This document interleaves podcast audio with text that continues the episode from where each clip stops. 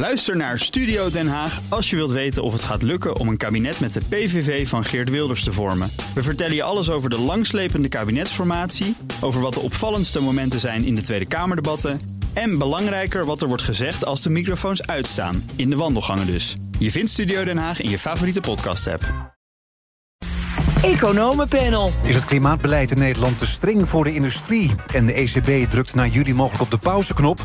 Met de renteverhogingen hebben de centrale banken hun doel bereikt.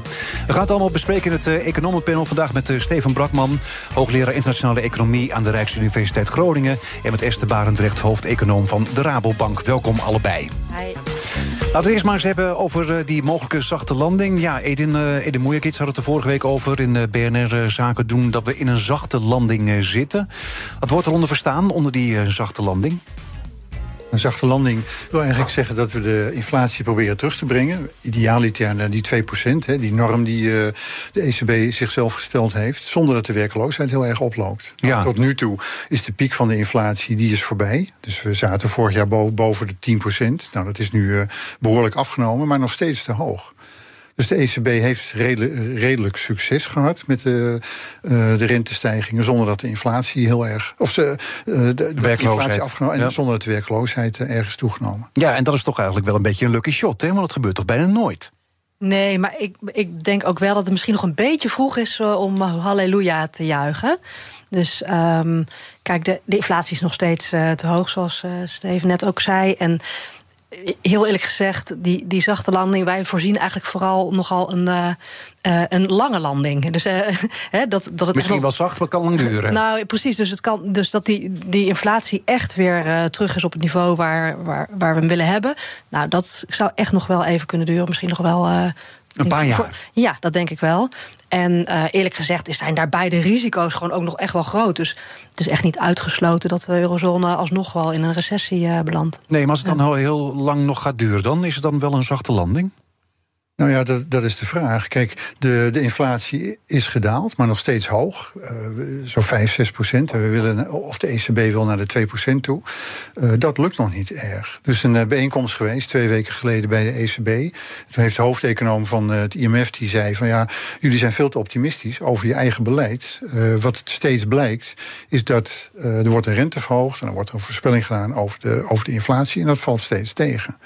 Dus ik ben het met Esther eens dat, dat, dat dit waarschijnlijk heel lang gaat duren. Kijk je ook naar de reële rente, dus de, de rente gecorrigeerd voor de inflatie, die is nog steeds erg laag. Dus wat is het doel van die rentestijgingen van de ECB? Is om de bestedingen af te remmen.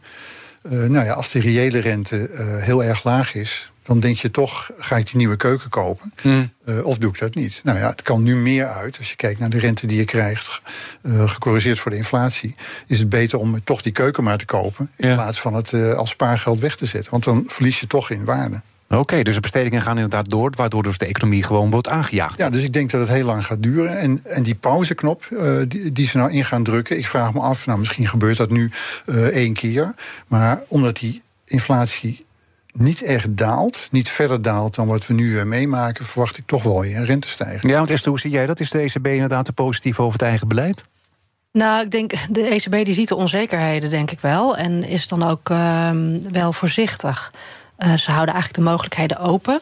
En ik denk ook eigenlijk wel terecht, want een van de lastige dingen is dat. Um, zeg maar, die renteverhogingen die werken met vertraging door. Mm-hmm. Dus duurt, een paar, duurt een paar jaar, zeg maar, na een zeg, paar maanden. Ze denken nu ongeveer anderhalf jaar. Maar ja, ook hoe lang ja. dan precies, dat weet hè, dat is ook moeilijk vast te stellen. Ja. En uh, nou, ze zijn vorige zomer begonnen met die renteverhogingen. Dus nou, je gaat nu wel effect zien, bijvoorbeeld in de kredietverlening. Je ziet al minder vraag naar kredieten.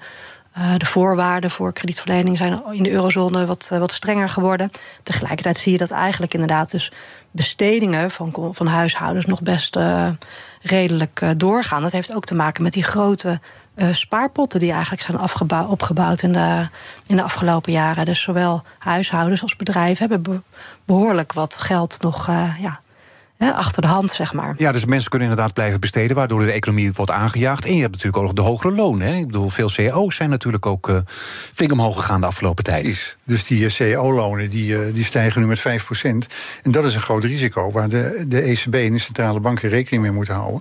Dat die inflatiespiraal nu zich lijkt te verankeren in de economie. De, de beroemde of beruchte loonprijsspiraal ja, die begint nu toch te werken. Dus ja? Hebben we daar nu last van al? Nou ja, ik verwacht toch dat dat, uh, dat dat betekent dat die daling van die inflatie lang gaat duren. Zoals we het net over hadden. Uh, als die lonen stijgen, ja, dan gaan bedrijven dat uh, doorrekenen in hun prijzen. Hmm. Die prijzen worden dan weer door, doorberekend in de volgende CAO-onderhandelingen. Dus dat, dat is nu heel vervelend wat er nu gebeurt. Ja. Dus Klaas Knot, die een tijd geleden vond hij dat de lonen achterbleven. Nu wijst hij erop dat ze te hard gaan. En heeft hij dit in gedachten. Hij wil die loonprijsspiraal voorkomen. Nou ja, da daar zijn nu toch voorzichtig. Het is niet heel erg, maar er zijn toch tekenen van dat dat, dat nu aan het werk is. Waardoor die, uh, die inflatiedaling uh, nog langer op zich laat wachten. Dus ja, maar ik, ik, vrees dat de, dat de consequentie of de conclusie van het verhaal is dat we nog toch nog tegen rentestijging aankijken. Ja, want dat is ook een van de taken natuurlijk van de ECB... om uh, die inflatie een beetje in toom te houden. Er was natuurlijk al veel kritiek dat ze een beetje laat zijn begonnen... dan met die uh, renteverhogingen. Nu zijn ze dan bezig. De verwachting is dat er dan deze week de rente nog wel iets omhoog gaat.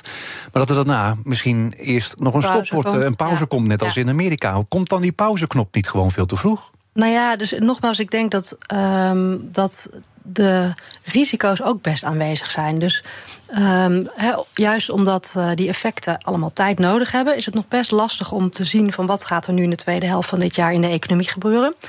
En um, nou, eigenlijk bijvoorbeeld vandaag waren er nieuwe uh, cijfers van de in, of eigenlijk verwachtingen van mhm. inkoopmanagers kwamen uit. Yeah. Zag er allemaal niet zo heel goed uit uh, voor de eurozone. Dus nou, die vertraging in de economie ja, wie weet is dat toch al uh, enigszins aan de gang. En de ECB die, uh, ja, die, die zit nu eigenlijk, denk ik, echt te wachten op de nieuwste cijfers. Weer opnieuw bedenken van wat gaan de verwachtingen doen. En probeert daar zijn beleid op, op af te stemmen. En ik denk dus eigenlijk dat ze wel terecht een beetje voorzichtig zijn. Omdat er ook wel risico's zijn. Ja. want zullen ze inderdaad even dan die pauze nemen... dan inderdaad al die cijfers even goed eh, gaan bekijken... eens even kijken van wat al die rentestijgingen van de afgelopen tijd allemaal hebben gedaan. Maar ja, ondertussen gaat dus die inflatie gewoon door. Ja, en om het probleem ietsje groter te maken.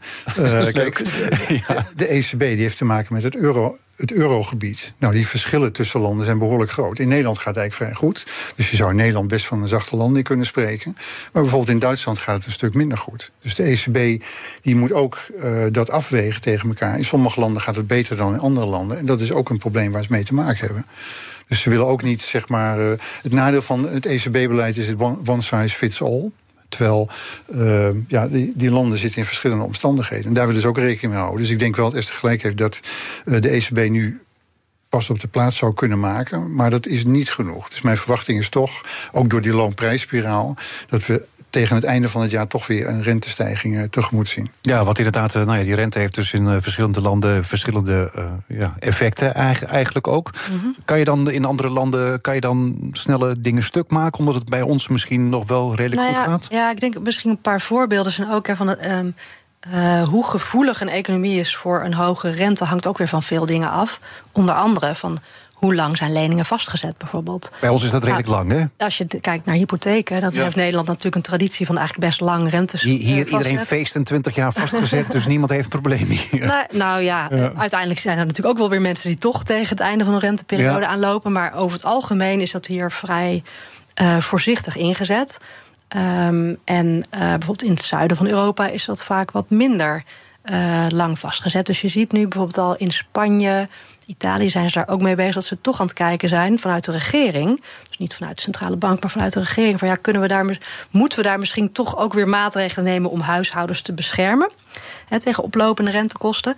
Nou, en dat is dan voor de ECB weer een puzzeltje. Hè, hm. Want dan is eigenlijk uh, de overheid weer aan het afzwakken. Uh, de impact van die renteverhogingen. Nou, moeilijke puzzels allemaal. Ja, want maar zien we hier dan ook weer het uh, klassieke, even kijken, Zuid-Noord-Europa. Ja, Edin zei er het volgende over. Ik heb heel sterk het gevoel dat die opgelopen rentes en renteverhogingen van de afgelopen twaalf maanden of nog langer, dat het grootste deel van de effecten daarvan nog moet komen. Ja, inderdaad. Nou ja, wat je zegt inderdaad ook uh, van dat dat uh, met vertraging gaat. Maar is dit dan uh, de, de, de Noord-Zuid verdeling? voor ons zou het misschien beter zijn als de rente hoger zou zijn dan voor Zuid-Europa? Ja, ik denk dat je dat wel kunt stellen. En uh, dat, ja, dat, dat, dat, is, dat hoort erbij, zeg maar. Hè, in, uh, in uh, een incomplete monetaire unie, zoals de eurozone eigenlijk is. Ja, die staatsschulden die zijn in het zuiden gemiddeld genomen veel hoger dan in het noorden. Dus als die rente gaat stijgen, zullen ze daar ook meer eerder last van hebben. Ja. Nou ja, denk terug aan 2012, hè, de eurocrisis. Uh, het is ook maar net hoe de financiële markten daar dan tegenaan kijken. Maar dat maakt het ook heel ingewikkeld voor de ECB natuurlijk ook. Ja, Omdat je juist met al dat soort landen rekening mee moet houden. En officieel, nou ja, ze mogen zich natuurlijk niet laten beïnvloeden. Maar veel zuidelijke landen zeggen ook uh, openlijk van... Uh, hou nou eens op met die renteverhogingen, want onze economie gaat kapot. Ja, dat klopt. Ook uh, zeg, zeg, maar politiek zijn er grote verschillen binnen Europa. Dus kijk naar het verschil tussen traditionele verschil tussen Duitsland en Frankrijk. In Frankrijk vindt men eigenlijk dat de ECB ook een werkloosheidsdoelstelling zou moeten hebben. Uh, en Duitsland vindt dat helemaal niet. Die zegt nee, je moet alleen maar naar de inflatie kijken en that's it. Ja. Uh, dus er zijn ook politieke verschillen om de, die, die ja, landen kijken verschillend tegen, tegen zo'n centrale bank aan. Ja. Dat is natuurlijk ook een complicatie in, uh, in het bestuur van de centrale bank. Maar ja, het lijkt nu allemaal uit te komen op een uh, zachte landing. Maar als je de rente dus misschien te snel gaat verhogen, krijg je misschien dan die harde landing. Mm -hmm. Hoe zou die eruit kunnen zien? Willen we dat weten? Meer werkloosheid. Ja. Maar ja, kijk, in, in Nederland, als je het daartoe beperkt, uh, stel dat het werkt, die, uh, die bestedingsvermindering. Een tijdje terug hadden bedrijven, bij wijze van spreken, dus een voorbeeld, hadden ze 100 vacatures. Nou, als, dat, als die economie wat afkoelt, hebben ze 30 vacatures. Nog steeds veel, hè? Dus nog steeds veel. Uh, dus in die zin kun je in Nederland echt spreken van een zachte landing. BNR Nieuwsradio. Zaken doen. Edwin Mooibroek. We zitten midden in het economenpanel vandaag met uh, Steven Brakman en Esther Barendrecht. Ja, Nederland heeft een uh, relatief uh, streng klimaatbeleid vergeleken met andere landen. En de huidige beleidsplannen die zullen het verschil alleen maar groter maken. En daarmee groeit ook het risico dat bedrijven activiteiten gaan verplaatsen. Dat schrijft de PwC. Ze hebben een zogeheten speelveldtoets 2023 gedaan. van ja, hoe groot is het dan het risico dat de bedrijven naar het buitenland gaan vanwege de Nederlandse klimaatmaatregelen. maar ze zeggen ook, Nederland heeft ruime subsidies die het ook weer uh, voor een groot deel weer goed kunnen maken. Ja. Ja, want Nederland heeft eigenlijk een, een zeg maar een beleidsmix. Hè? Dus enerzijds regels, sommige dingen mogen bedrijven niet meer.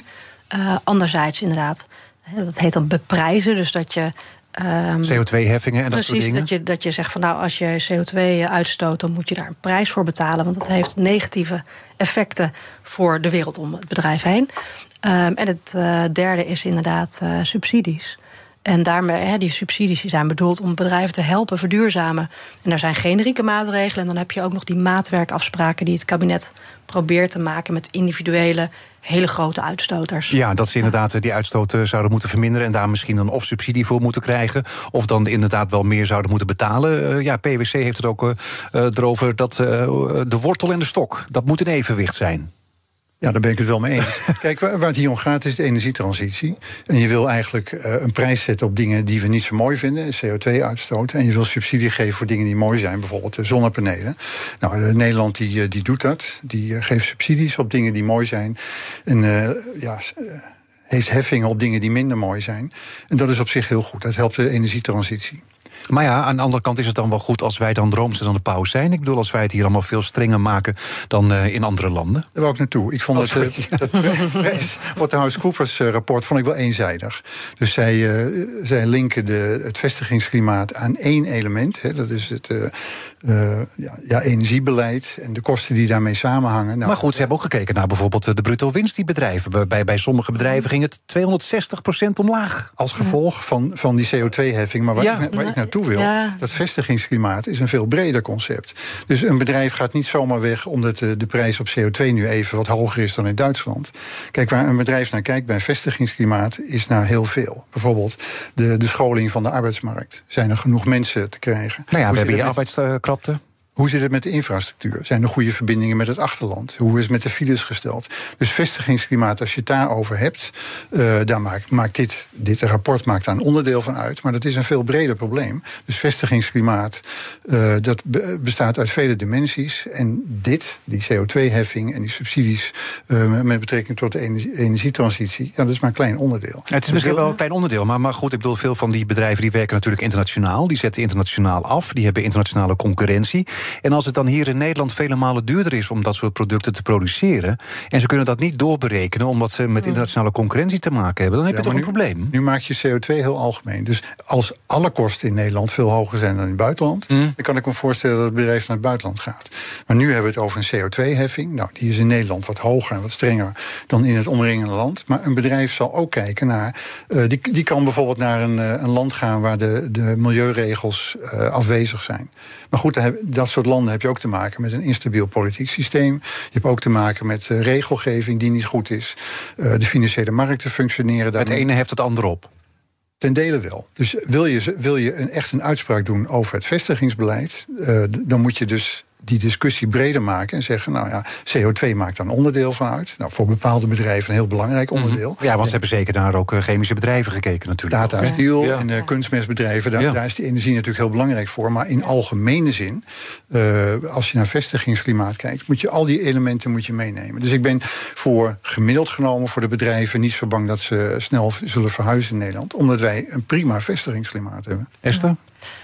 Ja, ik, kijk, ik denk die bedrijven die moeten allemaal. Hè, ze hebben gewoon te maken met een veranderende omgeving. En ik denk het ene is eh, vestigingsklimaat in brede zin. Daarbinnen eh, natuurlijk eh, gewoon de, de ruimte voor impact op milieu en op klimaat. Hè. Daar is heel veel aan de hand, hoeveel ruimte bedrijven daarin krijgen. En eh, het andere is natuurlijk gewoon de prijzen van energie. Hè, die zijn ook hoger geworden en die blijven ook hoger dan ze voor de inval in Oekraïne waren. Energiebelasting hier in Nederland nog? Ehm, ja, energiebelasting. En overigens in dat rapport wordt ook aandacht besteed aan een heel specifiek, specifieke regio. Je noemde net een heel hoog percentage waarbij de winst naar beneden ging. Ja, bij één bedrijf was het toch 260 Ja, dat- maar dat de, heeft- de bruto winst, hè? Ja. Precies, maar dat heeft wel met een heel specifieke, specifieke situatie te maken. Of een specifieke belasting. Nou ja, het was hoog in ieder geval. Ja, laat ik het precies. zo. Ja. Nee, klopt. Maar, ehm, maar ik denk, eh, dus bedrijven hebben wel degelijk te maken met een veranderende omgeving. Moeten eigenlijk weer naar de toekomst kijken van, ja, krijg ik hierin mijn businessmodel nog rond? Hè? Mhm. En eh, wat ik eigenlijk wel goed vind van hoe de Nederlandse regering daarin zit, die zijn vooral aan het kijken van hoe kunnen wij hun transitie faciliteren? Wat is daarvoor nodig? Nou, ehm, en dat, dat dat is een mix van beleidsinstrumenten. En ik denk heel belangrijk ook duidelijkheid geven naar de toekomst. Onder andere over bijvoorbeeld het energiesysteem. Nou, Nederland denkt daar echt heel bewust over na. Er liggen allemaal plannen, maar daarmee is het niet allemaal geregeld. Dus het is ook een, wel, wel een lang proces. Maar ik denk wel van de, nou, de inspanningen zijn wel denk ik de goede kant op. Ja, en ook inderdaad met subsidies om dan ook bedrijven misschien eh, ja, te ervoor te zorgen dat ze misschien nog zullen blijven ook. Maar ja, Ja, is dat in, een. in, in algemene zin kun je een subsidie geven op iets wat je wil. hè. Denk, ik heb ook subsidie gekregen op mijn eigen zonnepanelen. Nou ja, dat is prima. Eh, maar die subsidies hier, eh, eh, de discussie in het price, of de discussie waar we het nu over hebben, Tata Steel ten opzichte van andere staalbedrijven in Europa, in Duitsland en Frankrijk, dat vind ik toch een lastige discussie. Dus economen zijn over het algemeen tegen subsidies. Nou, in dit geval is er een goede reden, die energietransitie. Nou ja, er hebben ook een paar, paar bedrijven in Duitsland en in Frankrijk hebben ook subsidie gekregen. En dan hebben ze toestemming gekregen van de Europese Commissie. Klopt. Maar het gaat om een Duits bedrijf, krijgt Duitse subsidie. En een Frans bedrijf krijgt Franse subsidie. Mhm. We hebben het nu over Tata Steel, dus een Indiaas bedrijf. Dus de vraag is: moet Nederland een Indiaas bedrijf een subsidie geven? Je zou kunnen zeggen: Nou, energietransitie is belangrijk. Dat is een mondiaal probleem. Dus het is niet alleen een probleem voor Nederland of Europa, maar ook een Indiaas probleem. Dus dat de Indiaanse overheid ook mee zou betalen om het Dat Tata zou Steel hier in Nederland te, te du- Dat verduurzamen. zou helemaal niet gek zijn. Ja, Dus- maar ja, ze hebben de verduurzaamheidsplannen hebben ze al een klein beetje aangepast. Omdat het, tenminste, dat lijkt het op, omdat het allemaal een beetje te duur werd allemaal.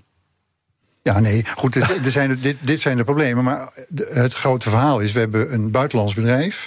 eh, gaan we dat subsidiëren? Nou ja, je zou kunnen zeggen, als ze blijven... eh, dan zou daar nog een verhaal voor te maken zijn. Maar, het, Maar je vindt het eigenlijk niet. het risico is dat zo'n bedrijf eh, subsidie incasseert... en alsnog verdwijnt. Ja. Nou ja, dat wil je voorkomen. Dus de, de, de omgeving, zeg maar, het, het contract wat je erbij laat ondertekenen... moet wel heel specifiek zijn. Dus als je zo'n buitenlands bedrijf een subsidie geeft... Om, om het hier in Nederland te houden... dan moet je natuurlijk wel heel goed uitkijken... eh, dat die subsidie ook precies zo gebruikt wordt als je wil... en dat zo'n bedrijf niet incasseert en vertrekt. Maar zou je überhaupt dat soort bedrijven inderdaad subsidie moeten geven? Want je kan ook bijvoorbeeld zeggen van ja, het is je bedrijf, je moet verduurzamen. Nou ja, technologische vooruitgang, dat is een, dat is een eh, verantwoordelijkheid van het bedrijf zelf. Maar in Ja. dit geval, die energietransitie... ik denk dat, dat hier wel echt een rol voor de staat weggelegd is. Ja, het gaat ook een beetje om de vraag van waar willen we in de toekomst ons geld mee verdienen? Welke industrie willen we natuurlijk hier nog houden? En welke industrie zou in principe ook kunnen verdwijnen? Ja, ja en je ziet dus eigenlijk dat Den Haag zegt, en ik denk terecht, van wij gaan niet kiezen welke industrie hier wel of niet uh, kan blijven bestaan. We bieden een omgeving waarin ze, bedrijven zelf die afweging kunnen maken. Ja, willen ze gebruik maken van subsidie? We willen ze helpen met verduurzamen en anders dan, uh, ja. dan gaan ze weg. Ja. De ongelijkheid in de wereld is de afgelopen jaren toegenomen tot uh, nieuwe hoogte. En dus uh, roepen meer dan 200 economen de Wereldbank en de Verenigde Naties op om daar iets aan te doen. Staat allemaal in een open brief die ze afgelopen week versturen. Hadden jullie graag je handtekeningen gezet hieronder, onder die brief? Ja, de brief is zo algemeen. Ik, had, ik, had, ik had mijn handtekening wel gezet. Dat zou gebellen van, zeg jij. Die is tegen het bestrijden van armoede. Dus daar zou ik mijn handtekening wel onder gezet hebben. Esther? Uh, ik denk ook niet dat ik, uh, dat ik er bezwaar tegen had gehad. Uh, ik bedoel, daarmee uh, wil ik niet zeggen dat ik het, hoe zeg je dat, ik hem volledig vond of compleet. Nee, ook een, Beetje, ook een beetje open inderdaad. Want uh, tussen 2019 en 2020 weer wereldwijde ongelijkheid uh, harder gegroeid uh, dan ooit sinds de Tweede Wereldoorlog. De rijkste 10% van de wereldbevolking verdient iets meer dan de helft van alle inkomen. Ja. Dat is wel heel veel, hè? Ja. Ik vind wel dat er een kanttekening gemaakt moet worden. Je moet eigenlijk onderscheid maken tussen inkomensongelijkheid tussen landen. Dat, dan vergelijk je gemiddelde inkomens. Mm -hmm. Nou, wat je daar ziet, is dat, dat de wereld veel gelijker geworden is. Dus sinds het midden van de jaren 90 van de vorige eeuw zijn er enorm veel mensen uit de armoede, armoede gehaald. Maar door corona er misschien ook weer een beetje ingedrukt. Corona is een klein detail. Ja. Maar de grote lijn is dat met name India en China en Azië, die zijn sinds de halverwege de jaren 90 gaan meedoen met de mondiale markt. En daar hebben heel veel mensen van geprofiteerd. Dus gemiddeld genomen is de ongelijkheid tussen landen die is echt fors afgenomen. Mm -hmm. Maar binnenlanden, en daar hebben die opstellers van die brief het over, binnenlanden is de ongelijkheid toegenomen. Maar is het misschien binnenlanden misschien wel niet erger? Mm, ja, dat is een hele interessante vraag. Hè? Want dat zou... ja, Of als iemand in Azië multimiljonair is, dan zou ik misschien eh, minder erg vinden als eh, tien van mijn buurmannen multimiljonair zijn. Ja, zo werkt het inderdaad, denk ik, in de praktijk wel. Maar de vraag is natuurlijk wel of dat. Of dat uh, hoe zeg je dat? Ik vind dat filosofisch een interessante kwestie, want het suggereert dat de ene mens anders is dan de andere mens. Dus dat, dat het erger is als de ene mens rijk is dan, dan, dan de ander. En ik weet niet of ik het daar helemaal, um, helemaal mee eens ben. Niet, hoor, maar, nee, maar um, ik denk inderdaad, hè, wat, wat hier eigenlijk ontbreekt, is volgens mij het. Ja, hè, dus dat de absolute armoede in de wereld is gewoon sterk afgenomen. Dus extreme armoede in de wereld is gewoon een aantal mensen echt afgenomen de afgelopen 30 jaar. En daarnaast zijn er veel meer mensen bijgekomen. Hè, dus het, ook relatief is het afgenomen. Mhm. Maar goed, dat neemt niet weg dat er wel sprake is van grote ongelijkheid. En ook daar heb je weer allerlei dimensies. Dus je kunt kijken naar inkomen, je kunt ook kijken naar vermogen.